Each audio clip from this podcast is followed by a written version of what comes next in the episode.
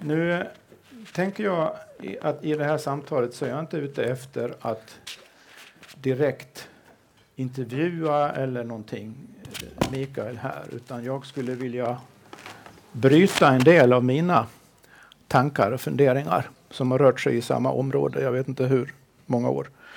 Eh, det är liksom extra intressant att känna varandra lite på, på en, någon sorts djupare pulsnivå när det gäller de här frågorna. När vi är nu två personer mm. som har ägnat ja. hela livet egentligen åt de här frågorna på olika sätt och kommit fram till ganska väldigt likartade saker. Men samtidigt då är, är de här små nyansskillnaderna och skillnader i betoning och mm. del lite varierande slutsatser är intressanta att liksom få syn på. För att då, då, kan, då kan vi kanske till och med få lite nya idéer av varandra här.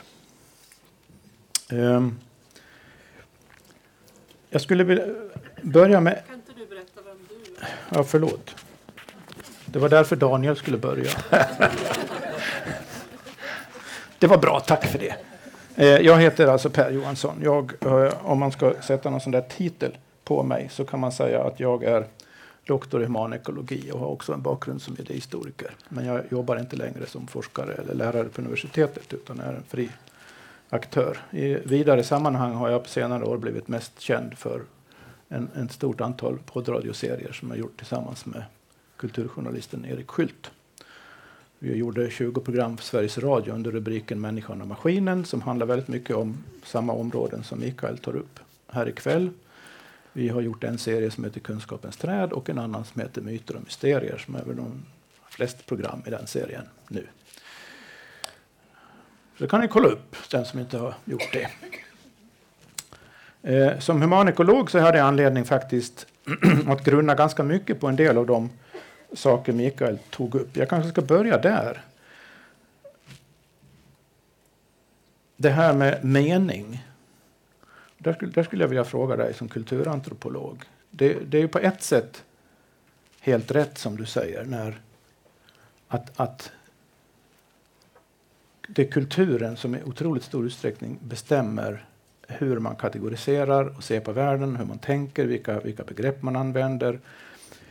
Och att man, att man föds in ovetande om väldigt mycket. Så att om inte en, en, människorna runt omkring en, de vuxna, tog hand om en och talade om för en så här är det och så här ska du göra och så här funkar det och, och, och så här bygger man ett hus och alltihopa så skulle man inte klara av mm. det helt enkelt. Det är ju alldeles mm. riktigt såklart. Det finns en, att det finns en, en sorts potentiell extrem variationsbredd när det gäller vilka uttryck det här kan ta sig. Precis sådant som kulturantropologi studerar. Mm. Eh, men jag har tänkt på en sak när det gäller mening, för det var faktiskt en av de saker som... Och här finns både en... Eller jag, jag skulle vilja ge det en ekologisk dimension. För att för länge sedan, en av de anledningarna jag började fundera på det här med mening överhuvudtaget var att jag läste en bok av den franske molekylärbiologen Jacques Monod som heter Slump och nödvändighet. Där han menar att livet är meningslöst. Det är egentligen bara en mekanisk process. Och det här med mening är bara någon, någon, någon sorts tomrum som har, har liksom uppstått i den här typen av komplex organism som människan är. Och när jag läste den där boken så, så eh, var det någonting i mig som slog bakut. Det här måste ju vara fel. Det är väl klart. Det, det, kan inte vara, mening kan inte vara någon godtycklig del av människolivet. Meningen måste vara på något sätt en del av själva världen, tillvaron. Det var min spontana reaktion. Vid det laget hade jag inte tänkt igenom det här alls, utan det var bara en reaktion. Så, så sen har jag ägnat resten av livet åt att svara på min egen fråga, kan man säga. Och jag, en, en av de första saker jag kom fram till som gav lite eh, stadga åt det hela, det var att om man tittar på alla de olika icke-moderna kulturer som har funnits och, och, finns så hittar man ju en rad gemensamma föreställningar på ett något sorts djupare plan. De har väldigt mycket gemen, gemensamma drag i sina kosmologier till exempel och om synen på människan och så vidare. Och då, då slog det mig att det måste finnas någon i en i ett ekologisk process, en ekologisk evolutionär process som handlar om anpassning så får den som konsekvens att det som inte lyckas anpassa sig till varierande, ofta svåra naturliga betingelser, det, det försvinner, för det kan inte helt enkelt inte överleva. Och det måste gälla föreställningar också, tänkte jag. Så det, det, det, jag skulle bara inledningsvis vilja ha din reaktion på det där. Är det, skulle det kunna vara så att det är inte bara så att meningsfrågan får vi dras med som människor, utan att det finns också vissa nödvändiga ramar inom vilket meningsfrågan måste besvaras för att kunna vara livskraftig överhuvudtaget. Ja. Och de ramarna i så fall är inte bara någonting som vi hittar på i vår nöd, så att säga. Utan någonting som säger någonting om själva världen också och meningens plats i världen. Mm. Du menar liksom att vi skulle kunna förankra vissa kulturella föreställningar i någonting icke-kulturellt, nämligen kultur, naturen? Nej, jag menar inte nödvändigtvis naturen. Alltså, men, i, i, men i, en, för, för, i en selektionsprocess? I en selektionsprocess, alltså när det gäller mm. att, att, att Det finns ju sådana här rent teoretisk filosofiska argument som i stilen kultur som tycker att självmord är det högsta värdet, mm. skulle inte överleva. Det är ju någon sorts trivialisering av mm. problematiken mm. på sätt och vis. Men, men vilka kulturella uttryck som helst kan inte komma till stånd. I synnerhet när det, inte gäll, när det gäller föreställningar om hur världen är beskaffad och vad människans plats i världen är. Ja, ja. Jag tror inte jag kan besvara din fråga Per, men jag kommer att tänka på det som Roy Rappaport skriver. Ja. Um, någonstans där han pratar om, apropå kulturrelativism, och nu är det här 30 år sedan jag läste det här passagen, men det som jag vill minnas av det, det som jag har tänkt utifrån det, det är att han säger att ja, vi kan ju inte säga att det där kroppsidealet är bättre eller mer vackrare än det där kroppsidealet. Eller den här tavlan objektivt sett är på något sätt bättre än den där, eller det musik, musikaliska uttrycket. Det finns en slags eh, alltså kulturrelativism. Det finns ingen, ingen måttstock med, med, hjälp av vilken vi kan mäta alla dessa olika kulturella fenomen. Däremot så antyder han att det finns man kan mäta en, en kosmologi i termer av dess konsekvenser. Mm, det är ju lite det ja. jag är inne på. Ja, och eh, då kan man säga att den här kosmologin som säger att människan är skapelsens eh, överhuvud som kan använda sig av resten av världen för sina egna kortsiktiga syften. Eh, det är en kosmologi som kanske vara logiskt koherent kanske, men den är dålig mm. i kraft av de konsekvenser den får. Mm. Uh, och det är väl, jag kan det var någonstans där jag, jag, jag, tänker mig att vi kan inte kanske komma så mycket längre än, än så på, på det, i det avseendet. Men nu, nu, nu svävar jag, för jag, jag vet inte om jag riktigt det, har greppat i frågan. Men, ja, vi ska inte stanna på det här abstrakta planet. Jag, bara, med, mm. jag, jag vill bara liksom säga att det finns ingen a priori, alltså det finns inget i förväg, det finns i förväg så att säga ingen anledning att anta att det inte finns en inneboende mening i själva existensen i världen som är mm. någonting man snarare upptäcker än konstruerar. Det är en intressant poäng. Det är det jag vill säga. Ja, precis. Och det där är någonting jag funderat mycket, väldigt, väldigt mycket på. Mm. Um, och uh, det, alltså, Carl von Linné hade ju den uppfattningen. Han stod med ena foten i någon slags sakral värld fortfarande. Han tänkte sig att uh, det fanns en mening nedlagd som människan kunde upptäcka på något sätt. Och jag vet att de första Navajo-indianerna, när de gick i, i myterna, den första mannen och första kvinnan vandrar runt, så går de omkring och så lär de sig namnet på växter och djur och platser. De, de namnger inte, utan de lär sig mm, namnen. Mm, Identiteterna är mm. redan givna och ja. människan kommer in i en värld som hon kan begripa mer eller mindre av. Um, och den andra vändningen, så att säga, den moderna vändningen egentligen är ju den att, att världen töms fullständigt på sitt innehåll och att eh, den enda som kan tillskriva världen kvaliteter som skönhet och annat, det är vi själva. Och jag, jag, jag vacklar på något sätt ja. däremellan, måste jag säga. Jag, ja, jag, jag skulle säga att det, det, för mig är det första helt och fullt giltigt och det andra är en sorts inbildning. Så Vilket är, alltså inbildningen alltså är... Den moderna föreställningen är en sorts inbildning. Ja, att, att vi konstruerar en mening. Ja, ja. Vi, vi, och eftersom vi gör det så tror vi att alla andra gör det också. Och, och mm. det, det, gör de inte, skulle jag våga hävda. Och i den mån de, i, i den mån de tycker vi är konstiga så har de, har de rätt. Mm. Jo, men det, det, det och, det där, och det där med namn är intressant, för ja. na, namn ger man ju till personliga entiteter. Mm. Och är det någonting som är ett gemensamt drag i alla icke-moderna kulturer mm. egentligen, så är det att allting är levande. Allting mm. har, en, har en, en, en, ja, en anima, en själ, en, en, mm. alltså har någon sorts levande närvaro som kan vara väldigt olik den mänskliga närvaron. Men man, be, be, man inte bara betraktar det som om det var levande och av någon sorts kognitivt bekvämlighetsskäl, utan man ser det och erfar det verkligen mm. så som levande. Och det förutsätter jag tror att en anledning till att vi har svårt att ta det till oss i vår vårt civilisation, det är att vi vet inte hur man gör. Vi, vi kan inte vi har, vi, vi, har liksom aldrig lärt oss, det har med människoblivandet som du pratade om, jag tänkte komma mm. till det strax. Vi, vi har liksom vi, vi, vet, vi vet inte bara inte hur man egentligen blir den människa man borde vara. Mm. Det, vet vi inte. Det har vi liksom ingen ut, utbildning eller utbildning för, mm. precis som du påpekade alldeles riktigt. Men, men det, det, är liksom värre än så, för vi vet inte ens hur vi ska kunna börja erfara en mening som finns i världen. Hur gör man då? Liksom? Mm. Det vet ju, alla, I andra kulturer vet man ju det. Om du har vistats så mycket bland mm. Lakota-indianerna så måste du ha märkt mm. hos vissa av dem att de kunde faktiskt relatera ja, det går på ett annat sätt. Mm. Det har att göra med liksom vilken förförståelse man har. Min, min Lakota-bror, han var en, en, en shaman. Mm.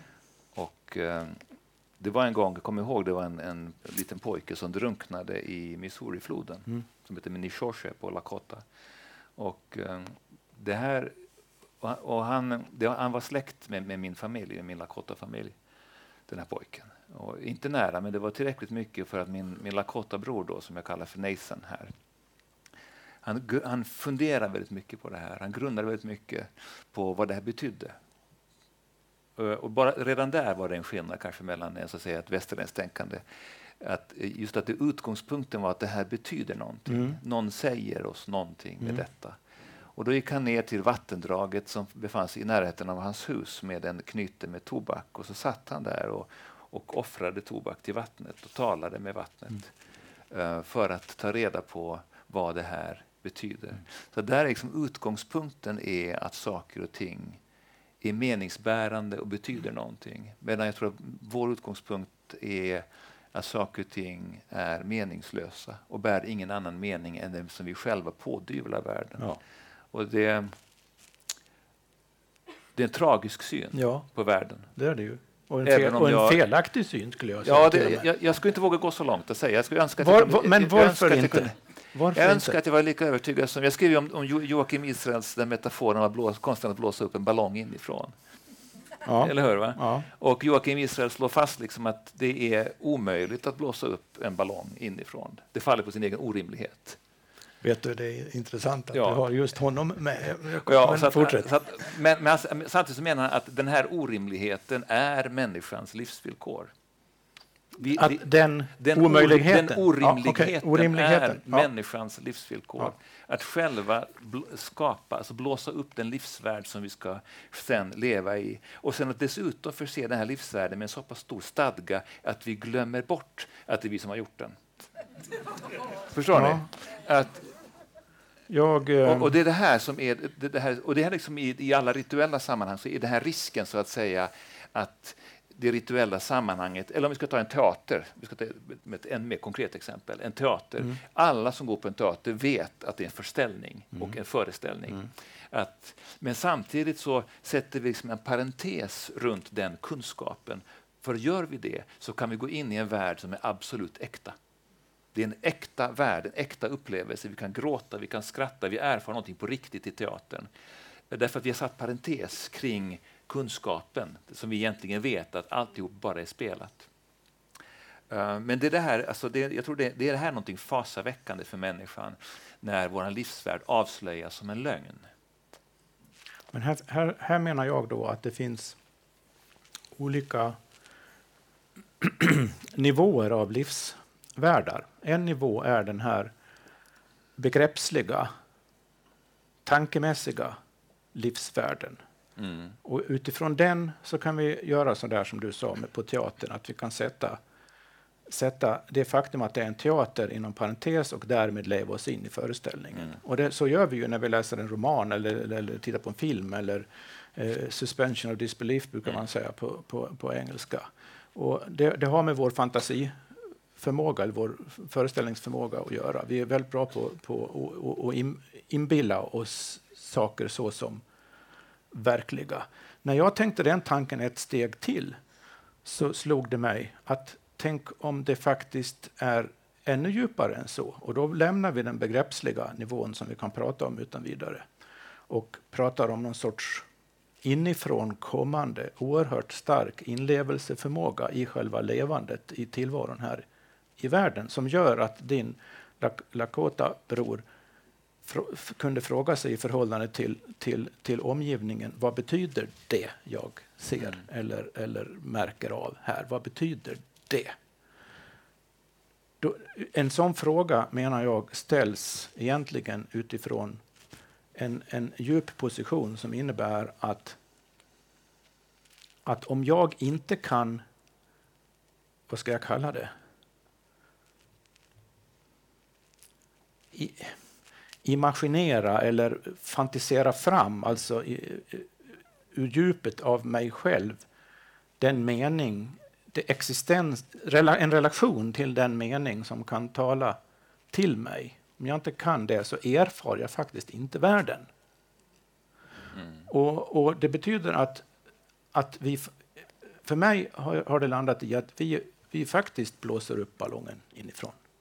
Mm. Det, det, är så världen, världen kommer till genom att den blir levande, verkligt meningsfull för oss. Och det är ingenting vi konstruerar, det är någonting som vi antingen kan eller inte kan. Någonting som kan gå fel, men någonting som vi inte kan låta bli. Och sen kan vi, kan vi göra det, kan vi ta den omedvetna liksom, vällandet ut ur oss och så kan vi förknippa det med våra konstruktioner, med våra begrepps världar, vår, vår, vår kultur eller vår lära om hur det är, eller vår vetenskap eller ekonomi eller vad som helst, så kan vi liksom fästa det vid den.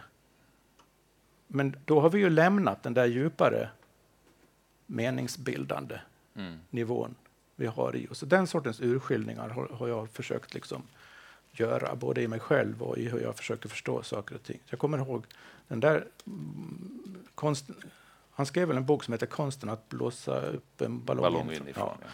Någon gång på 80-talet. Jag kommer ihåg jag skrev en jättelångt handskrivet manuskript som jag fortfarande har i någon låda en, en gång där jag ganska argt gick igenom rad för rad och förklarade för mig själv varför han var ute och cyklade. Um, nu kommer jag inte ihåg det nu, men det var bara lite roligt att du hade honom så. Um, men um, en, en, så det, det här leder mig fram till att, att, fråga dig. Du sa någonting, nu får du rätta mig om jag har fel här. Du sa vid något tillfälle här att de existentiella frågorna kan inte besvaras. Mm. Vill du utveckla en gång till lite grann hur du menar med det? Ja, Ja, det är ingen djup insikt egentligen. Jag, jag vet Wittgenstein tror jag skriver ett, i en av sina...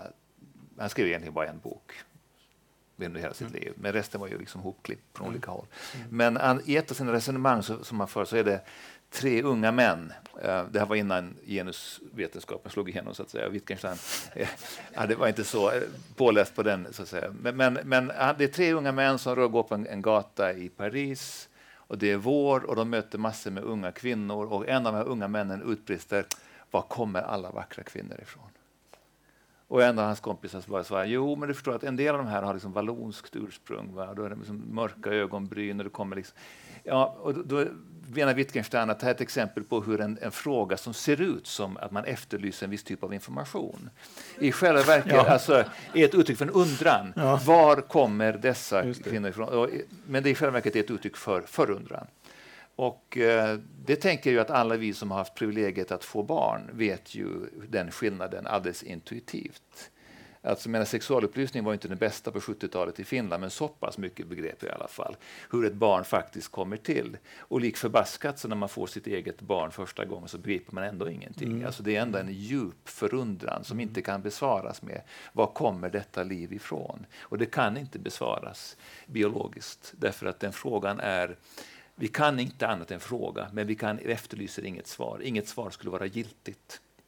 Det, varför? Okay. varför det, ja. Du menar det, det är, det är en fråga? Ja, jag förstår vad du menar. Att det är det, frågandet i sig själv som är ett uttryck för, man, för det mänskliga, så att säga. Och, eh, det finns inget svar som skulle kunna avsluta den, därför frågan är en livshållning.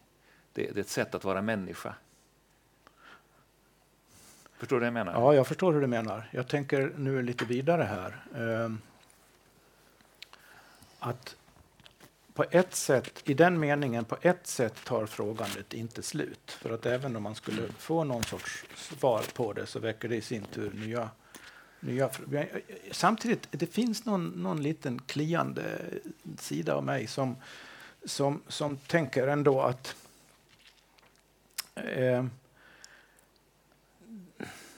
man lämnar någonting i sticket. Det finns en risk att man lämnar någonting i sticket också när man säger att vissa frågor inte kan besvaras. Eh, och då, måste man, då är det noga med hur, vad man menar med besvaras egentligen. Mm. Eh, existentiella frågor av den här djupgående typen som tar sig uttryck i de förundrade frågorna du, du mm. menar kan ju naturligtvis inte besvaras genom att någon skriver en bok eller du frågar mig eller som ditt eget exempel med, jo, balloner och, och mm. det, det, liksom någon sorts kategorimisstag. Mm. Eh, men betyder det verkligen att nu kanske just frågan var kommer alla vackra kvinnor ifrån inte är så där eh, jättelätt att, att svara på överhuvudtaget. Det kan ju vara en av de liksom, tillvarons allra mest mystiska frågor. Det kan det kännas för mig som man ibland i alla fall. Men om, om vi tar det här med livets mening, säg.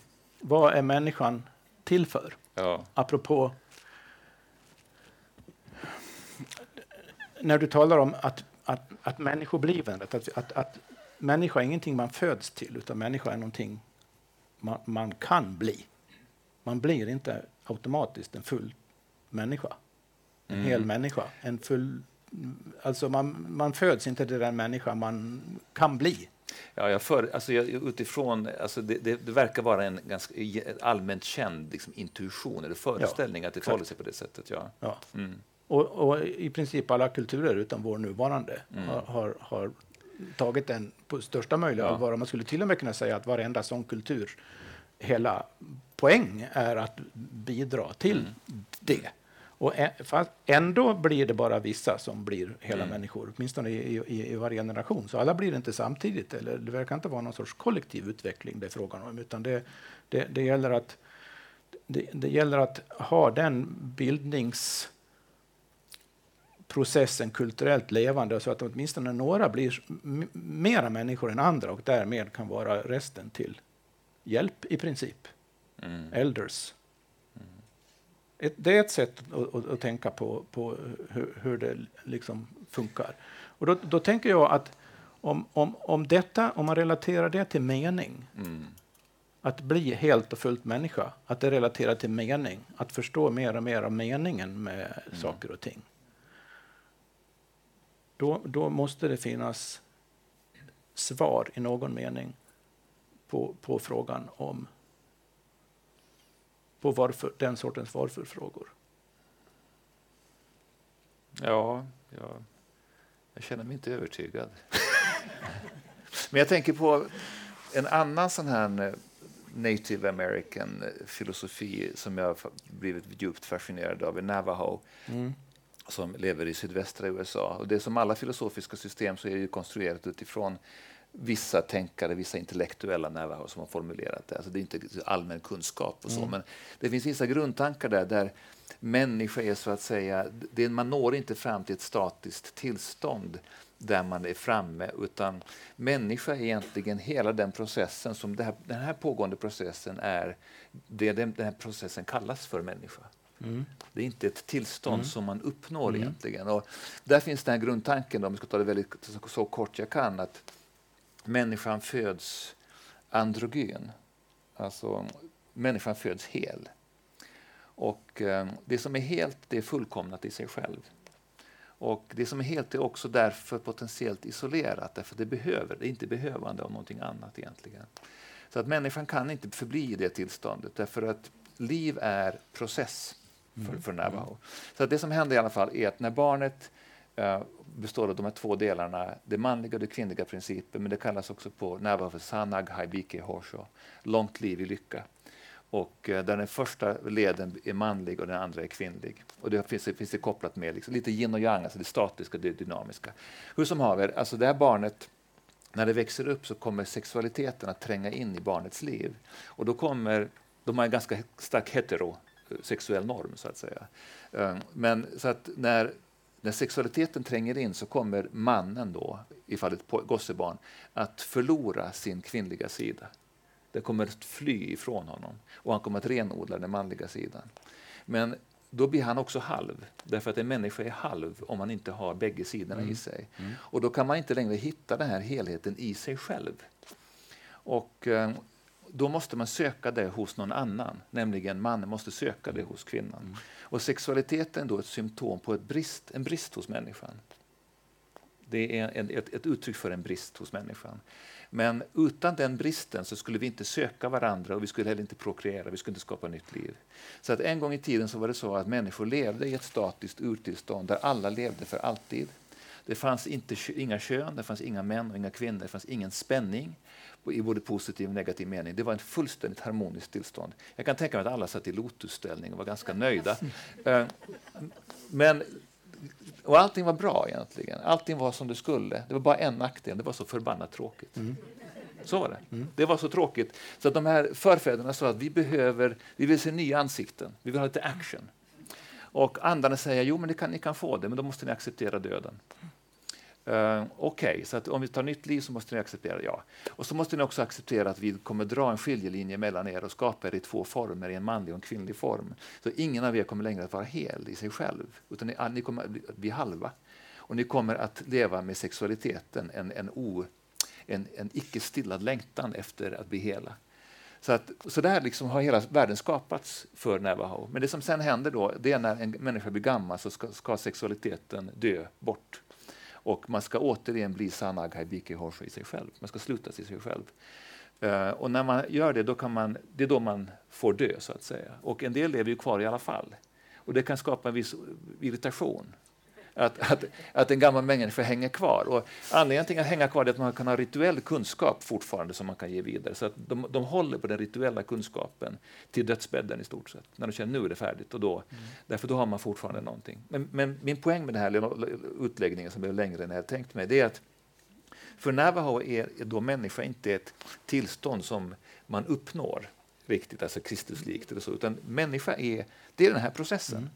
Det, det ja, jag håller med dem. Ja. Ja, helt och hållet. Ja, vad härligt. Dessutom, eh, dessutom är de ju inte ensamma om just den Nej. kosmologin. Man kan hitta det i det gamla Egypten till exempel. Ja. Eh, så den, den, det, det, med andra ord, det är för mig ett exempel på en sån här kosmologi mm. som har en faktisk realitet och i sina olika eh, utvecklingar och praktiker ger den här sortens svar jag menar finns på frågan vad, vad är meningen med en människa? Vad är en människa? Vad kan en människa bli? Och att vad en människa kan bli, eller vad meningen är att en människa ska sträva efter att bli, det är inte att bli färdig och säga ja, åh, nu har jag tagit examen som människa här. Nu liksom. Mm. Titta här. Det, utan det är en, ständigt fortgående process som, som kan hålla på i, i, i all oändlighet. Så det är väl lite grann jag så se, ser på det man skulle kunna från kallar skapelsen. Att, att skapelsen är någonting som hela tiden fort, fortsätter att bli till via oss, mm. såvida vi inte gör bort oss så totalt som det mm. finns en viss risk att mm. vi gör. Jag bara kort säga, jag tror också att det är en väldigt stor skillnad mellan att kunna erfara en mening med livet och att erfara en mening med mitt liv. Det är två helt olika saker. Alltså, jag tror man kan ord. Det, alltså, vad är livets mening? Det, man, det kan gå in och titta på Facebook, och de här citat som cirkulerar hela tiden. Liksom. Ja, ja, Visdomsord som ja. massproduceras. Och man kan göra sig lustig över dem, men de är nog förmodligen ganska sanna. Alltså, jag tror att, att världens visdom kan sammanfattas i en Disneyfilm i stort sett. Jo, men alltså, därför visdom låter alltid trivialt när det formuleras. Vad, vad sa Albert Schweitzer när han, när han drabbades av sin stora insikt? Var det respekt för livet? Visst var det så han sa? Alltså, visdom låter alltid väldigt trivialt när det förpackas i ord. Vet du vad jag skulle säga Mm. då, apropå det? Det är att jag håller med om det. Mm. Alltså att, att man kan inte... I, vilket inte har hindrat vice personer att uttrycka sin, sina insikter och upptäckter i ord i och för sig. Det är därför vi har en del så kallade andliga klassiker att ta till oss. Men det är ganska enkla ord. Och det, är, och det är som Mm. regel ofta väldigt enkla ord, exakt. Mm. Och det betyder ju att vad det handlar om här är inte någonting som i sig är meningen ska skrivas en bok om, utan någonting som man måste erfara. Det handlar alltså om en erfarenhetsutveckling. Så, så svaren ligger inte i vad vi säger eller vad vi formulerar eller uttrycker liksom i, någon, i, konst och sådär. Det är inte där svaren i sig ligger, utan svaren är den erfarenhetsmässiga process vi genomgår för att utvecklas. Mm. Det är en praktik. Och det är, den, det, det, det är egentligen den praktiken som har, vi, vi har, gjort, som har gått förlorad. Och den, jag skulle säga att den i, i stor utsträckning gick förlorad till och med före mo, mod, modern tid. Mm. Men, för, men för mig finns det alltid ett, ett moment av, av mysterium i tillvaron, eller av osäkerhet, eller vad vi kan kalla det för, som gör att inget svar kan egentligen ges. Alltså, varför blev man förälskad i den personen, men inte i den där? Jag tror även sådana Hon- svar tror jag det finns svar Ja, på. jo, det, det, jag, jag har svårt. Alltså det, det finns detta mer, det, detta lilla, detta, det där som gör, som vi inte kan kontrollera, det okontrollerbara. Eh, och jag skulle säga att det gäller kärleken, men det gäller också det här med att hitta livsmening. Jag tror, det, jag tror även människor som, som går omkring med, med, med självmordstankar kan erfara en väldigt stark mening i livet. Alltså de erfar livet som djupt meningsfullt. De ser familjer som föder barn, man ser nya människor som kommer, man ser konst, man ser skönhet. Man erfar det, livet som djupt meningsfullt, men man erfar inte sitt eget liv som meningsfullt. Och det tror jag är en väldigt, väldigt stor skillnad, att erfara mening liksom där ute och att hitta sin egen plats i det.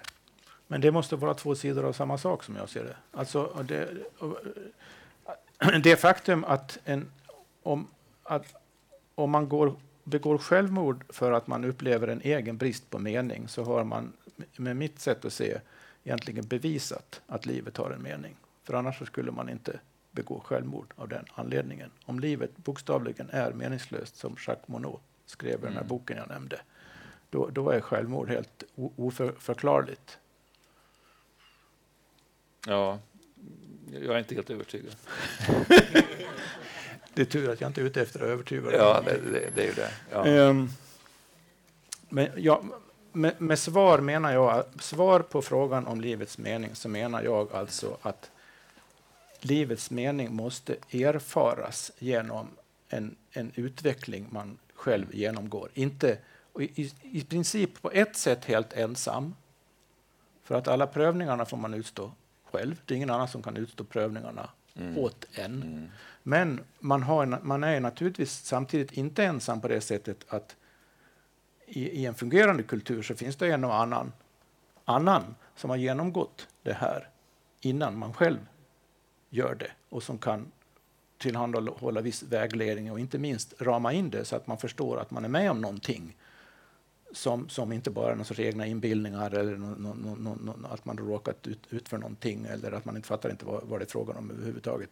För det är exakt det menar jag som är vår situation ofta här i, för de flesta här i den moderna världen att, att vi, vi erfar den där pockande meningssökande riktningen inom oss, att det är på något sätt någonting vi borde göra, men vad är det? Och vi kan, upple- vi kan erfara alla möjliga livskriser och annat. Men, men det är in, för oss inte insatt i något sammanhang som säger ja, men det här du går igenom nu, det här du erfar, det här du är på väg att lära dig, det har andra gått igenom och lärt före dig. och det handlar om detta och det har de och de, de stegen. Bara det att någon säger det, fastän man måste genomgå det själv, gör det hela så att säga ut, uthärdligt. För att, att det här att bli mer och mer människa som är en process utan slut, som jag ser det, är, är, är liksom ingen dans på rosor egentligen. Det, är ingen, det, är ingen, det går inte ut på att, att må bra som i det moderna konsumtionssamhället. Det är liksom inte livets högsta mening att ha det så bekvämt som möjligt. Mm. Det är ganska obekvämt mm. grund och botten. Mm. Och det är inte alla som ens klarar av det. Så att i varje generation så, så är det ett fåtal som, som går igenom det här på någon djupare nivå. Men just de människorna i mera traditionella samhällen är de som ses som de mm. som är bärare av det samhällets mm. omistliga värden, skulle man kunna säga. Mm. Men, men vi har inte ens den värdeskalan överhuvudtaget Nej. här och nu. Vilket jag tycker du på påpekar steg för steg väldigt effektivt. Mm. Så, så det är därför jag menar att svaret är inte en fråga om, om någonting man kan säga, utan svaret är en process som man måste gå igenom. Mm. Och då får man successivt svar som blir djupare och djupare. Det, mm. det finns inget, inget slut Nej. i djupet på de svaren. Mm. Men man får svar, för annars skulle man inte kunna gå vidare. Mm. Och annars skulle det inte vara meningsfullt att gå djupare och djupare in i tillvarons mysterium heller. Mm. För då skulle det, det är liksom som en trappa eller en, olika stadier. Mm. Det som det ena bygger på det andra. Så, och, mm. och, och, just det där att, att, betona erfarenhet har vi också gjort oss av med som någon sorts kunskapsgrund. För vi, vi, vi tycker, det är därför man säger att det finns inget svar. Nej, för att uh, hjärnforskningen kan inte bevisa vad meningen mm. är. Så säger vi, ja, i och med det så finns det inget svar på frågan om livets mening. Så vi, vi, har ju en, en sorts intellektualiserad utgångspunkt. Mm för, för, för, för, för allting som gör att vi inte förstår att det är en fråga om erfarenhet. Jag tror i och för sig att man ligger ganska risigt till när man börjar ställa frågor om livets mening. Alltså det är ungefär som att, att leva i ett äktenskap. När man börjar ställa frågan om vad är det för mening med att vi är gifta, då, då, då, då är det redan där har vi liksom ett symptom på att saker och ting har gått, att det har gått lite snett. Eh, och jag tror att, att, frågan om livets mening är typisk en fråga som, som ställs i ett kris, krisläge. egentligen. Jo, men det håller jag med om. Ja. Ja, och det krisläget, när man mm. ställer den frågan, det är då man börjar den här utvecklingen. Mm. Jo. Ja. Ja. ja. Okej, okay, då ska vi se. Då har jag en annan, annan liten grej jag skulle vilja... Det här med själens hemlöshet. Det relaterar också till det här för mig. Mm. Hur hittar man hem då? För det är den frågan man... Det om, man om man konstaterar att i, i, i, vårt samhälle, med alla, trots alla dess fördelar, så har själen blivit hemlös när den går, gått i exil, som du säger. Gömmer sig någonstans. Hur, hur, hur, hur, kan, vi, hur kan själen hitta hem igen? Mm. Jag fick ju hjälp med den där titeln av, av Dan-Erik Salberg på Sigtunastiftelsen. Han, ja, alltså formuleringen fanns i min bok nämligen. Och jag, om man skriver en bok så är det enormt förlösande när man hittar titeln. Mm. Det måste jag säga. Mm. Alltså, man kan tycka att det är en liten struntsak på slutet, men det är det absolut inte. Det var jättesvårt. Så jag är väldigt tacksam att han hjälpte mig att liksom förlösa fram en sån titel. Och det är klart att själen är ju inte ett analytiskt begrepp. Och det är därför Nej. som det är lite sådär det är diffust, det antyder någonting. Um, och, um, I Uppsala kommer vi att ha under våren samtal som handlar just om På spaning efter själen. Jag, jag och en, en, psykoanalytiker och en sjukhuspräst som ska prata om det i tre olika samtal. Och det är liksom där man närmar sig det här begreppet från lite olika håll. Därför att det, som sagt, det är inte ett analytiskt begrepp. Och samtidigt är det någonting som vi använder oss av i någon slags vardagskunskap om världen. Vi kan säga att uh, den här musiken är obesjälad. Eller eh, eller att någonting är besjälat. Ehm, eller, eller någonting själlöst. Alltså vi använder det och vi vet ungefär vad vi menar. Om musiken låter liksom mekaniskt, den kanske låter bra men det mekaniskt saknas någonting diffust. Då är den själlös. Så att själen är liksom den här ja, det som Bornemark, Jonna Bornemark skulle kalla liksom det omätbara och det som vi också symptomatiskt nog har väldigt svårt att prata om. Och um, jag tycker att vi överhuvudtaget har svårt att prata om det som är viktigt i livet. Det, är liksom, ja, det håller jag med om. Det, det, och det är det som vi har, vi har, vi kan prata om allt möjligt annat. Vi, det, mm. vi, vårt, vår, vår samtid är full av ord. Alltså. Det är fruktansvärt babbel. Alltså. Men det är faktiskt sant. Och debattprogram på tv, liksom, det är bara ord, ord, ord. Men vi kan inte prata om det väsentliga. Och därför att livet till exempel, eller om vi tar tiden. Tiden kan bara erfaras som kvalitet, men kan bara mätas som kvantitet.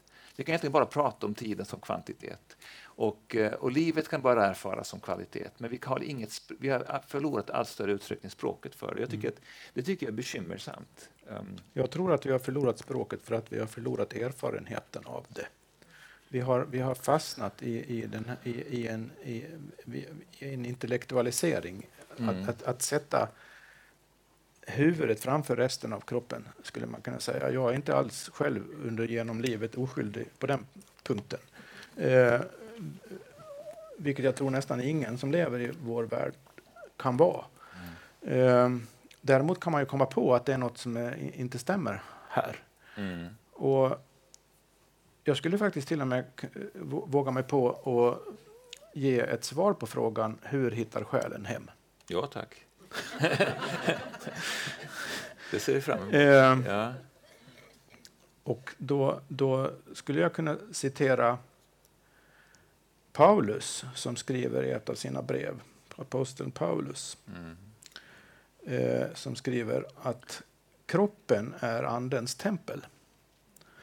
Och det kristna livet och generellt skulle man kunna säga, om man lämnar den specifikt kristna traditionen, att det jag nu har talat om som meningen med livet och jag känner att du är väldigt mycket på väg dit, men du landar inte riktigt där åtminstone inte på samma sätt som, jag, som, som, samma sätt som, som jag gör då. Va? Och det är inte fråga om att vi är oeniga Nej. eller någonting, utan det är fråga om att, hur man kommer till någonting från olika, o, olika synvinklar. Um, kroppen är andens tempel. Vad är det för ett konstigt påstående egentligen? Den är anden, vad är det? Vad är kroppen? Vad, vad menar han? Uh, det, det relaterar till det här jag sa, sa innan om hur, hur världen blir till för oss. Man skulle kunna säga så här att världen för mig blir till inifrån och ut. Inte mm. bara min, själva världen alltså. Mm. Och det, det, är någonting vi gemensamt åstadkommer, så som själar här i världen. Mm. Och, och, och, det betyder att vi på sätt och vis redan är i någon mening förkroppsligade själar.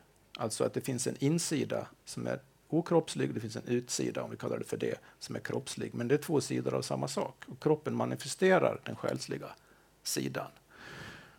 Och, och, men så finns det någonting som är liksom någon sorts upphov till alltihopa också, som man kan kalla för anden då. Och poängen med att vara människa då, det är att mer och mer förkroppsliga själen, anden. Och för mig är det det Paulus menar när han säger att kroppen är själens tempel, eller andens tempel. Det betyder att den här svaret på frågan hur hittar själen hem igen är att först, allra först måste den hitta hem i och till sin egen kropp. Så, och kunna erfara kroppen som just själens boning. Mm.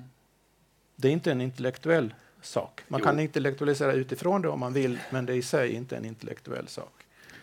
Du låter ganska intellektuell tycker jag när du säger det. Ja, allting man säger låter ju intellektuellt. Det är det som är problemet med att prata. Ja, ja precis. Men då ska, då ska jag se om inte jag kan hitta, för jag tänker på, då ska jag se vad du säger om det här, alltså om jag nu kan hitta i min egen bok. Men det var någonting, jag skrev något klokt i den vill jag minnas. Ja, det tror jag säkert. om jag kunde hitta den där för Pra, prata på du. Ja, Okej, okay. för att vad vi har gjort i, i det moderna... Ja. Var, var, jag pratade med er då. Nej, ja, för, men jag har hittat det. Ska, okay, ska ja. det. Men, för det har att göra med det här, du säger att att kroppen är själens boning. Så att, alltså, kroppen ska mer, alltså, själen ska mer och mer ta kroppen i anspråk så att kroppen kommer att uttrycka själen. Ja, den, den, den, den gör på sätt och vis det vare sig den vill eller inte. Så att om själen är vilsen så är kroppen vilsen och funkar inte som den ska. Okej. Okay. För jag har den här tanken kring Nu ska jag se, jag ska börja någonstans. Um, ja, jag, jag diskuterar det här liksom med våra grubblerier och kring identitet. Identitet är inte något vi har, utan något vi gör. Och vi producerar denna identitet bara när vi erfar att vi skulle kunna vara andra än det vi är nu. Och det erfar vi bara i mötet med andra eller när vi frammanar bilder av de möjligheter vi bär på men ännu inte realiserat.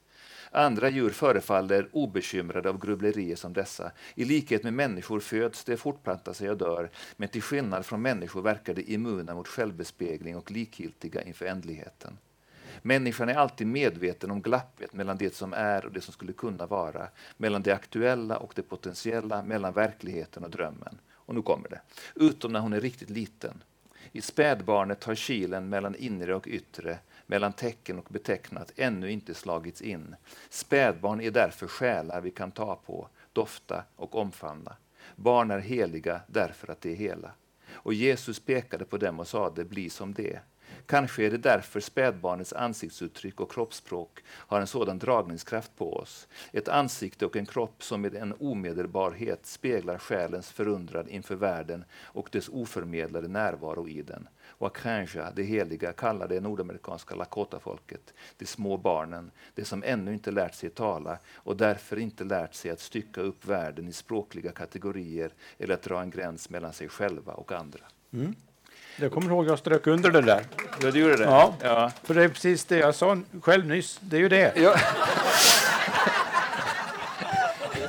ja. Det var det du sa. Ja. Nej, jag, tänker att jag skulle säga så här då, att ja. vi behöver bli vuxna bebisar då, i den det. meningen. Det är det, det det handlar om. Ja, för det, det, det som jag känner Återvinna den, mm. he, den eh, helheten, ja. den som, som vi föddes till. Mm. Men så, som vi av, av livets alla omständigheter eh, fjärmas ja. från. För tänk, vad skulle det innebära om man hade samma kroppsliga närvarande relation till sig själv, andra och världen såsom vuxen? Ja, det vore förfärligt. Nej, nej, allvarligt. Det, då skulle man verkligen fatta någonting. För att då skulle man inte bara ha den där, som spädbarnet har, den omedvetna helhetsupplevelsen mm. som de inte ens vet om att de har, för de bara är den. Men vi, om, om en vuxen skulle ha det och vara vuxen, så skulle den vuxne då skulle den vuxne egentligen ha upp, uppnått en insikt om innebörden i just det, kroppens innebörd här i världen, skulle man kunna mm, alltså, säga. Jo, alltså jag kan, man ska så lustigt, men alltså jag, jag förstår. Och vilken kultur mm. det skulle bli av, det, av en sån mm. insikt. Inte vår i alla fall. Nej. Där kroppen ju är helt åsidosatt mm. på alla vis och behandlad som en maskin och, ja. och, och, och, så vidare. Mm. Jag håller med dig om det. Vad tror ni killar? Om ja, vi ja. kan prata på några timmar till. Ja, men det är ju underbart att, att, ja. att se att Per predikar Paulus Alltså med tanke på din brutalkritiska hållning till kyrka och sådär i andra Två sammanhang. helt olika saker, ja. Paulus och kyrkan. Ja, eh, men jag tänkte så här, nu har ju ni börjat komma igång. Mm. Och då väcker det säkert en del funderingar här ute i rummet. Ja. Det kan vara kul att ta del av faktiskt. Mm. Det vore spännande att höra om det är någon som sitter och ruvar på någon reflektion eller tanke eller någonting som vi kunde göda den här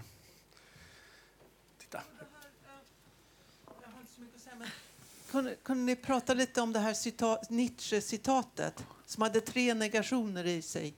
För, ja, jag, kan, jag kommer inte ihåg exakt hur det löd. Men... Det löd så här. Oandlighet beror på oförmågan att bjuda motstånd mot en retning. Det var det citatet du tänkte på, antar jag. Vad, vad ville du fördjupa kring? Mm. Okej. Okay. Får jag läsa det också? Så ja, det har Nietzsche själv.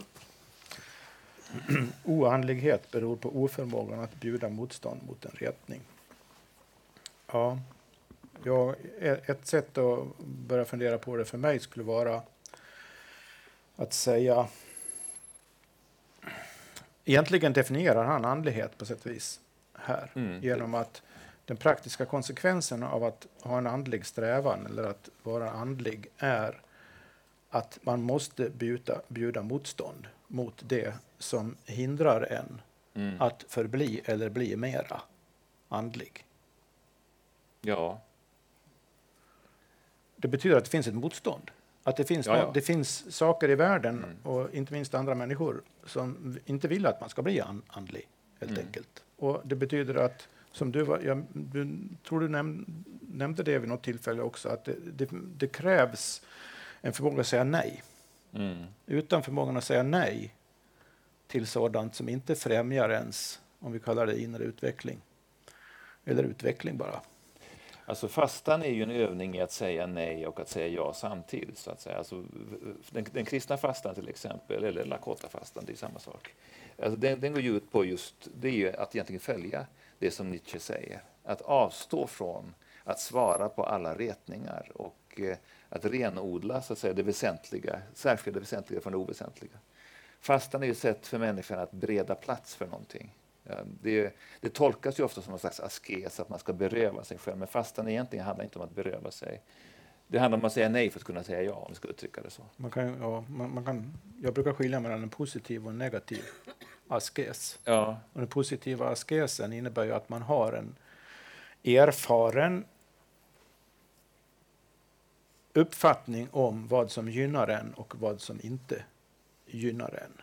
Och för att förstärka det som gynnar en så behöver man ta avstånd från och säga nej till det som inte gynnar en. Vilket jag relaterar till det här sinnebilden som jag brukar använda som du nämnde, den inre ja kompassen. det. Mm. Att, att, eh, jag menar att man vid något tillfälle i livet, kanske inte hos varenda människa, men hos väldigt många människor, så väcks av någon anledning, yttre anledning, någon upplevelse, väcks en inre kompass som gör att man blir varse att någonting inom en kan avgöra vad som gynnar en och är bra för en på ett djupt plan och vad som är dåligt för en på ett djupt plan. Och så länge man, för att kunna följa sin inre kompass så måste man säga nej till vissa saker. Och jag, jag skulle, min erfarenhet säger mig att ju djupare, sannare eller vad man ska säga, man går åt Mm. norr, så true north så att säga, så desto mer måste man säga nej till. Mm.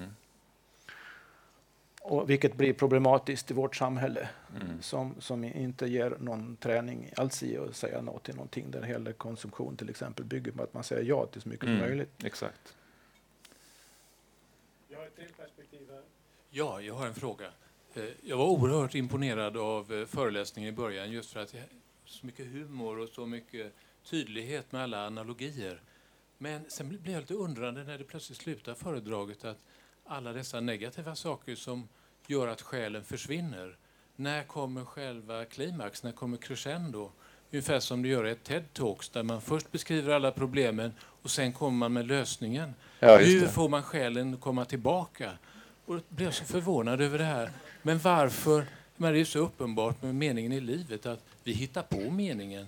Vi, vi skapar en mening. Det gör man hela, dag, hela dagarna. Ja. Någonting man inte förstår så gissar man något. Ibland har man rätt, ibland har man fel. Och så kör man vidare. Och då undrar jag liksom, din själ måste ha hittat tillbaka någon gång. När kommer det här klimax? Den här beskrivningen på jag gjorde så här och det funkar för mig. Ja, just det. God- Det är kanske därför jag hade blivit inbjuden till TED-talk. För jag hade, hade, hade hittat den där, den, där, den där crescendot där jag liksom kommer med lösningen. Nej, men jag, jag, jag, jag ställer diagnoser kanske mer än kommer med lösningar skulle jag säga. Men, men Nästa Men- föredrag då? ja, nästa föredrag. Nej, men jag, jag, jag skriver ju det i min bok på ett par, några ställen. Liksom att ibland så krånglar man också till det. Ibland så nedstiger ju änglarna på jorden mitt ibland oss. Liksom. Och ibland så bryter det heliga rakt in, alltså rätt in och själen landar precis där den ska. Det där händer ju liksom i, i, i mötet med livet. eh, När man, ja, jag fick- jag blev morfar i lördags till exempel. För första gången. Det är klart att då, då bryter det liksom rakt igenom alla skikt som man har lagt, moderniteten har lagt mellan mig och verkligheten. Och då, då, då, då är själen tillbaka igen. Sen så, så irrar den runt själlöst igen, så att säga. Och hemlöst. Men eh, nej, jag har inget svar på den frågan, vilken metod vi skulle använda oss av. Men det, däremot kan jag säga att det, jag arbetar i kyrkan av en anledning, därför att det finns vissa saker i kyrkan som jag faktiskt tror på alltså i kyrkan som, som möjlighet, in potentia som en potential. Och det är bland annat att det finns de här fortfarande rum som har investerats med så oerhört mycket av mänsklig glädje och smärta. Alltså de är heliga, om, om inte annat så åtminstone av den anledningen. Alltså där tror jag det finns en, det behövs motkrafter, alltså de, de, de platser för stillhet och, och um, heliga bilder och heliga berättelser. Jag tror det är nödvändigt för människor att omge sig med dem faktiskt och producera dem och leva bland dem. Och uh, det är inte särskilt populärt just nu, men jag tror att det är... Det... Du rekommenderar inte att man hittar på sin egen mening?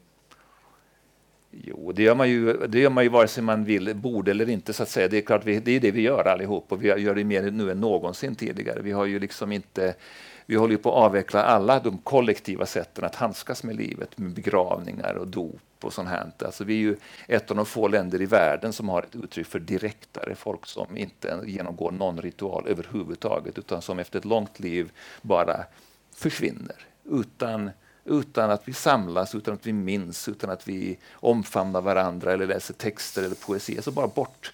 Um, så att jag menar, på punkt efter punkt så håller vi på att avveckla alla gemensamma former för att handskas med livets oberäknelighet och livets smärta. Och då hittar vi ju på någonting annat, så att säga. Det är, därför det är en mänsklig egenskap. Och då, då, då, det gör vi ju. Och mer eller mindre framgångsrikt kan man väl säga. Jag, jag, jag ser ju någonting som ni märker sorgesamt i det, jag kan inte sticka under stol med det. Jag ser någonting sorgesamt i att vi avvecklar det. Men, men visst, vi hittar på mening hela tiden. Du är säkert inte nöjd med svaret, men jag kan inte ge det så mycket bättre. Ja, ja. ja.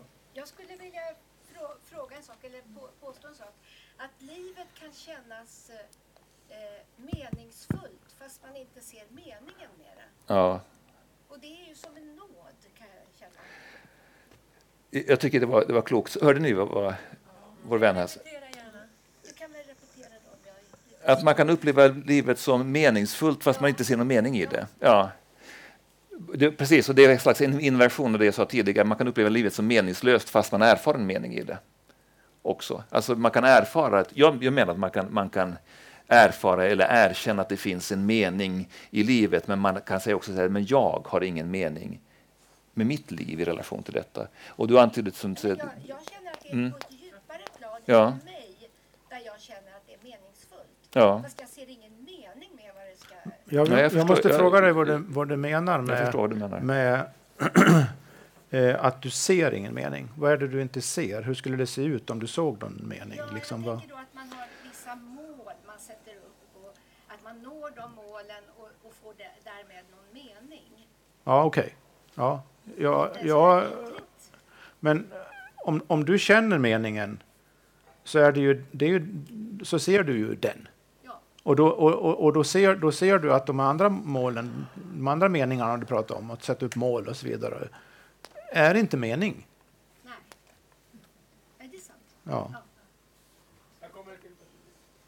Ja, hej Isak, här i bak. Um, för några år sedan så hade jag möjligheten att gå på en, ett föredrag, ett paneldiskussion var det tror jag, i universitetshuset i Uppsala där du Mikael var med uh, och pratade. Jag tror att det var ett Semus-arrangemang. Eh, och så sa du massa kloka saker och, och kritiserade, du ställde en bra diagnos över situationen som vi befinner oss i uh, när det gäller eh, moderniteten och klimatkrisen etc. etc. Sen råkade jag faktiskt åka ner till Per några veckor senare och då hade jag med mig de här tankarna som jag, jag fick med mig från, från det du sa där i den paneldiskussionen. Uh, och då sa Per, ja men det där, det där håller jag med om helt och hållet. Uh, och sen då? Eh, så jag skulle vilja ställa en fråga till er som fortsätter det samtalet lite grann. Men jag tror att ni håller med varandra väldigt mycket kring kanske var, var vi befinner oss någonstans när det kommer till eh, den, det prekära ekologiska och sociala eh, och existentiella läget. Men hur, hur tänker ni att Eh, ni behöver inte säga vad vi ska göra, men vad har ni för reflektioner kring, kring hur ni personligen relaterar till den situation vi befinner oss i och hur vi kan röra oss eh, åt ett annat håll än vad vi är på väg just nu? Mm. Alltså det finns ju dels den politiska dimensionen, den ekonomiska dimensionen. Alltså, hur ska, vi, hur ska vi leva? Hur ska vi ordna vårt samhälle för att liksom rikta om samhället i en annan riktning? Och, och det, där, det, det, det, är en, en, diskussion som andra kanske är bättre på att föra än vad jag är delvis. Men, men mycket handlar också om förhållningssätt, tänker jag. Och jag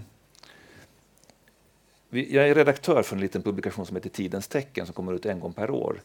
Och det senaste numret handlar om framtiden i samtiden. Alltså det är en omskrivning för, egentligen för hoppet, utopins möjlighet och hoppets möjlighet.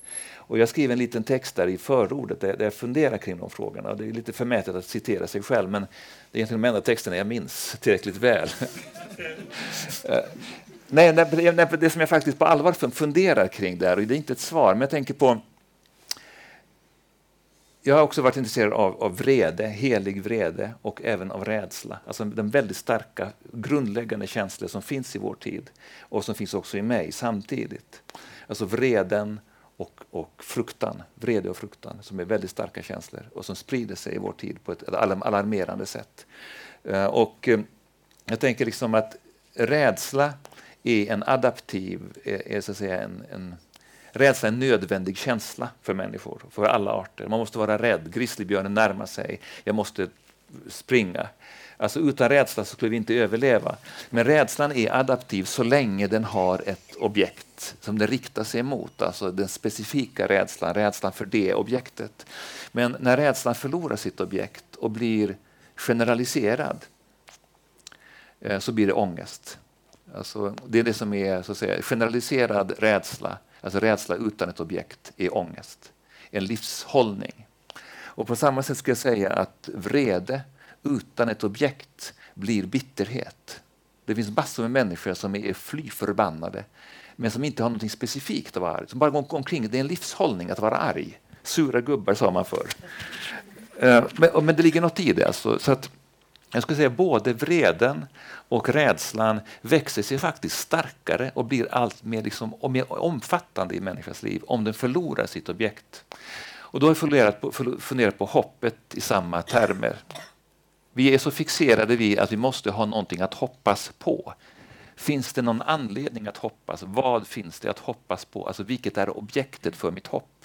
Och utan objektet så blir hoppet en villfarelse. Men jag, jag, jag har inget svar på det här, men jag, jag vill antyda i den texten att det kanske är så att även hoppet kan överleva utan ett objekt. Vreden kan det och rädslan kan det. Om hoppet också kan överleva utan ett objekt så kanske också hoppet kan växa sig starkare utan ett objekt. Och vad ett sådant hopp ska kallas, det kan man ju alltid diskutera. Om det är dårskap, eller om det är kärlek eller om det är nåd. Men jag, jag föreslår att hoppet som livshållning blir då en slags eh, en, en förutsättning för allt annat vi gör.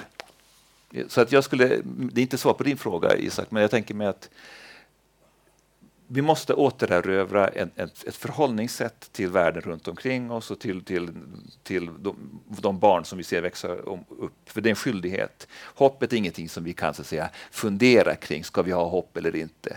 It's mandatory, det är en plikt. Så jag skulle säga att det är en plikt för oss att känna hopp. Sen handlar det ju då, den svåra utmaningen är att hur man ska formulera det. Och jag, jag brottas liksom med den frågan. Ja, men nu var det lite ut, men, men det, är, för det är en viktig aspekt, eh, skulle jag säga. Men du har säkert någonting annat Per?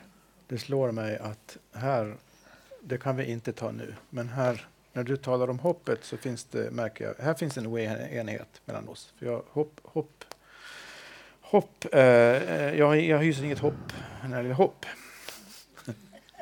Alltså, du, du hyser inget hopp? Alltså, hopp, hoppet för mig är ingen konstruktiv Nej, men jag... eh, utgångspunkt för någonting. Men, men det, det, det ska vi inte fördjupa oss ja, jag, jag, jag, känner igen det argumentet Per, så jag skulle säga att jag, jag, är inte chockad Nej. över, det, över det, det, Nej, det perspektivet. Det tror, jag inte heller. det tror jag inte heller. Men jag håller inte med om det. Nej, precis, jag sa ju det. så är det.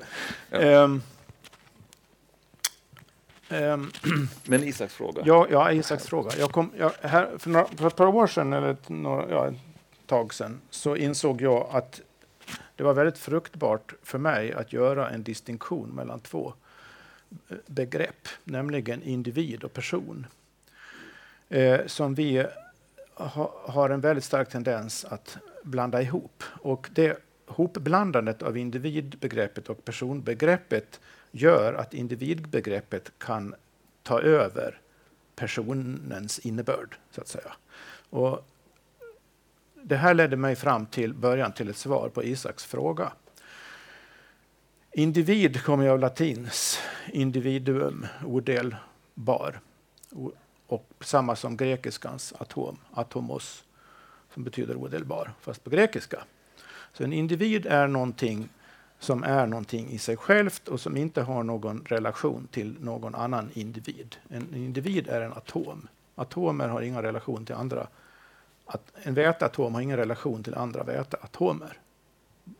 De bara kolliderar med varandra så här. Och individer kan man styra. Individer kan man säga, den här individen den kan fylla den här funktionen här. Och den här andra individen kan fylla en annan funktion där. Och om man, om man bygger upp en vårdapparat till exempel och behandlar människor som individer så kan man säga ja men här kommer patientindivider in och de tas emot av eh, sköterskeindivider och läkarindivider och så vidare. Och i och med det så kan man sortera upp hela processen genom liksom löpande bandet genom sjukvårdsapparaten. Man kan ta tid och allt möjligt och hantera alltihop som ett maskineri. Det kan man göra med individer. Men för att de är atomer och sorterbara i fack. Jättelätt. Personer har, nu ska jag inte dra etymologin och historien där, för det, jag, jag bara säger vad, vad jag kom fram till för definition av person. En person är per definition en, en, en, en, en, en, en varelse, en människa, som, som ingår i ett socialt sammanhang. En person består av relationer. En person kan inte tänkas utan relationer. Så, och, och det betyder att man kan inte behandla en person som en individ. Om man behandlar en, om en person som en individ som går att liksom placera i fack på olika sätt, då begår man våld mot den personen för att man rycker ut personen ur sammanhanget. Och det är ju exakt det som sker i så otroligt många verksamheter i vårt samhälle. För att det är mycket effektivare och löns, liksom, kostar mindre, eh, åtminstone på kort sikt, och, och hantera saker och ting som atomer. Men det är mycket mer komplicerat och kräver helt andra kompetenser och tänkesätt och allting om man ska behandla oss mycket mer som personer och varandra för den delen. Eh, och där någonstans börjar jag fundera på om inte det finns, eh, börjar fin, finns någon sorts svar på det här och sen då, när man har dragit igenom hela den här kritiken. För att det, det innebär att vi, vi, vi behöver börja hävda oss själva och varandra. Inte bara jag som inte bara hävda mig, utan vi måste hjälpas åt att hävda varandra som personer. Och, det måste, och, och vi måste kunna träffas som personer, vi måste kunna mötas personer, som personer. Det, det kräver som regel att vi träffas så här fysiskt. Eh, så mötesplatser som den här är oerhört viktiga för personbildningen utanför hemmets väggar, kan man säga, i vårt samhälle. Eh, och vi behöver också, apropå det där att sätta upp gränser och säga nej, vi behöver i allt större utsträckning fatta mod och säga nej när, när det blir för mycket individbehandling, för mycket atomisering av hur vi behandlas. Om vi inte börjar säga det, och det, det hänger väldigt mycket på, också på folk i mer ansvarig ställning som liksom säger ifrån. Nej, jag går inte med på det här. Som till exempel eh, förre chefen för Statens rättsmedicinska anstalt, Tommy Olofsson, sa ifrån när det gällde eh, den här fysiska kroppsliga bedömningen av så kallade flyktingbarns ålder. Sa nej, det här, det här finns ingen vetenskaplig evidens för det här. Det, det omöjliggör behandlande av de här människorna som personer. Det går inte. Jag är inte med på det. Så han fick sparken. Den sortens mod behövs i väldigt många sammanhang. Och det, det, det är stort och smått. Och, och, och det, det är mitt svar på Isaks fråga. Och sen då? Man måste börja där med vår, vår kroppsliga, personliga existens och relation till varandra och hävda den. Ta strid för den. Inte ett ideologiskt, abstrakt politiskt partiplan, utan i vardagen hela tiden. Har tid för två perspektiv till. Frågor, korta. Ja, kort. Eh, Stressa nej, jag ska inte stressa. Jo, jag sitter här och privilegiet med att sitta här, det är faktiskt att man ser er båda två. och så sitter jag så här och upplever er nästan som två delar av mig själv, eller vad jag ska säga. Och så blir jag så här, jag blir verkligen förundrad, liksom, om jag går till dig Mikael, så tänker jag så här, men vad är det där motståndet till att liksom följa med in i mystiken? För ena sekunden så upplever jag att du, boink, så är du där liksom. Eh, och det tar inte bort hela skärpan och liksom det andra. Och så, om, för jag tror att jag hamnar mer i mig själv, liksom, som jag upplever, det här är mina projektioner. Men hos dig Per, liksom, i att okej, okay, jag erfar det faktiskt. Liksom. Jag gör det. Jag gör det idag. Och det är både och. Det tar liksom inte bort eh, det andra.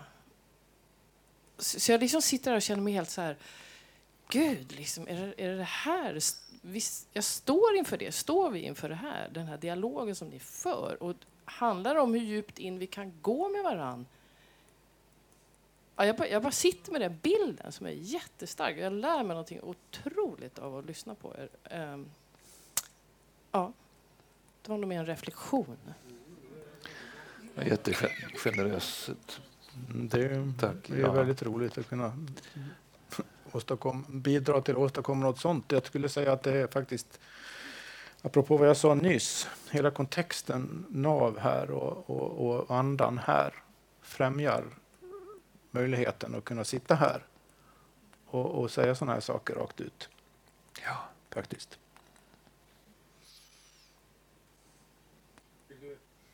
Ja, um,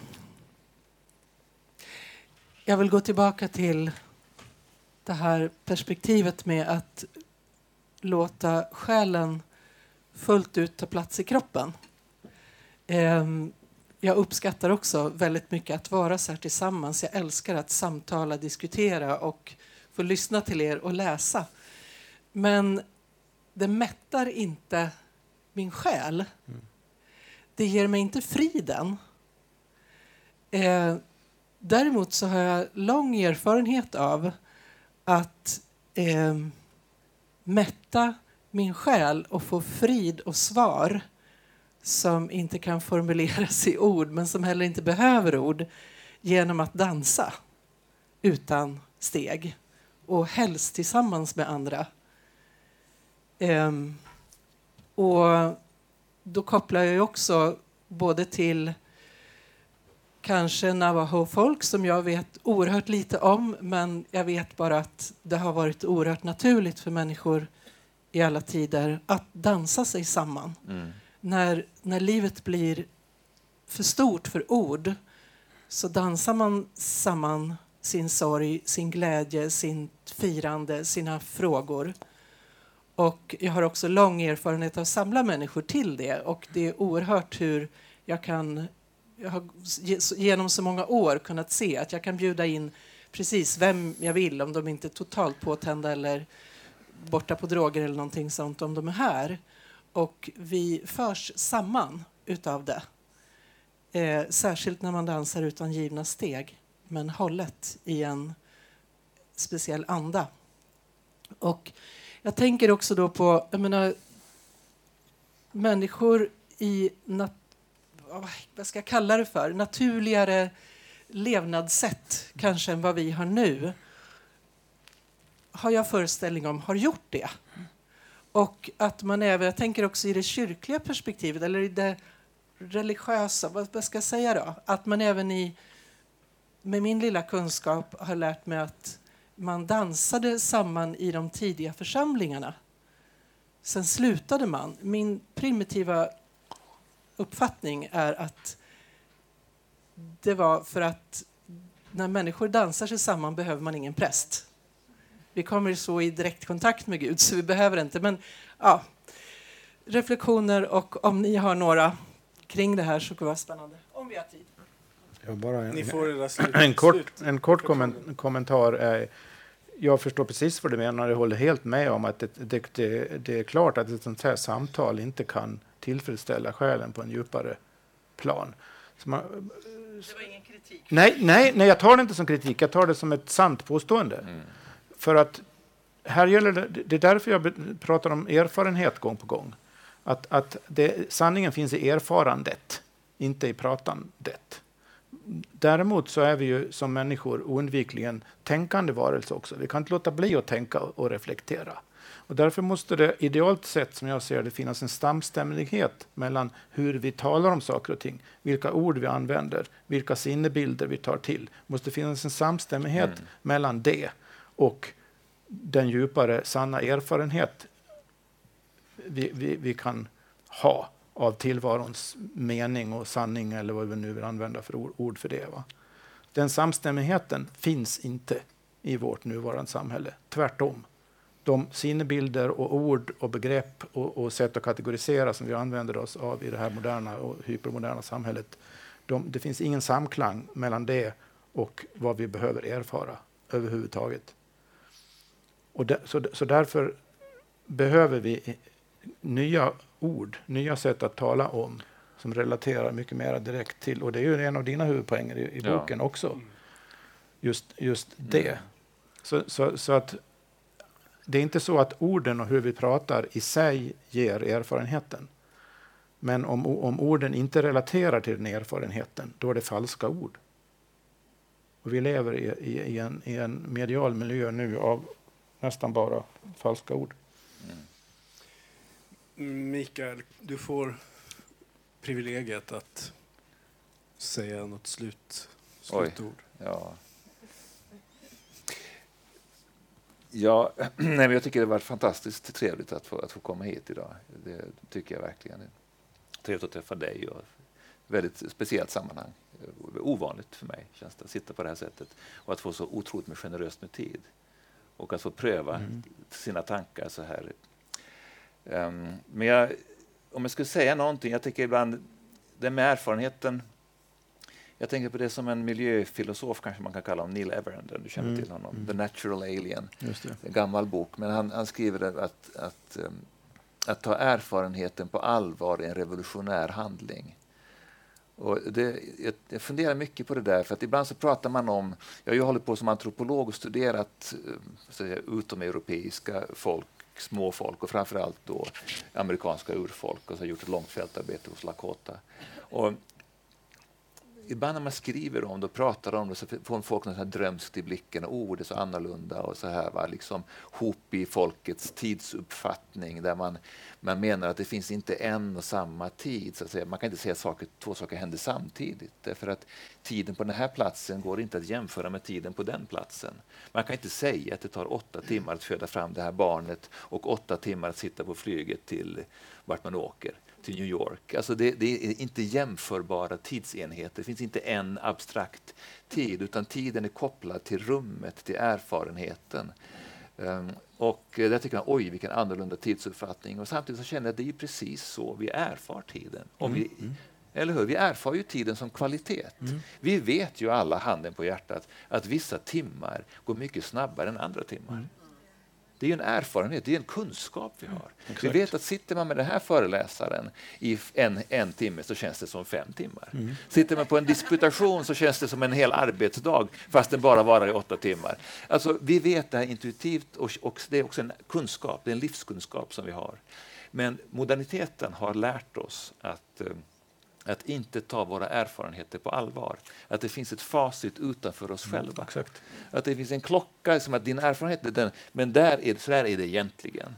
Och det är just detta egentligen, detta facit som har införts i vårt liv som gör att vi inte tar våra erfarenheter på allvar, som gör att vi inte på allvar tror att djuren är personer och att molnen är bekönade varelser och att tiden är kvalitet och mer än kvantitet och att det faktiskt finns heliga platser och heliga rum.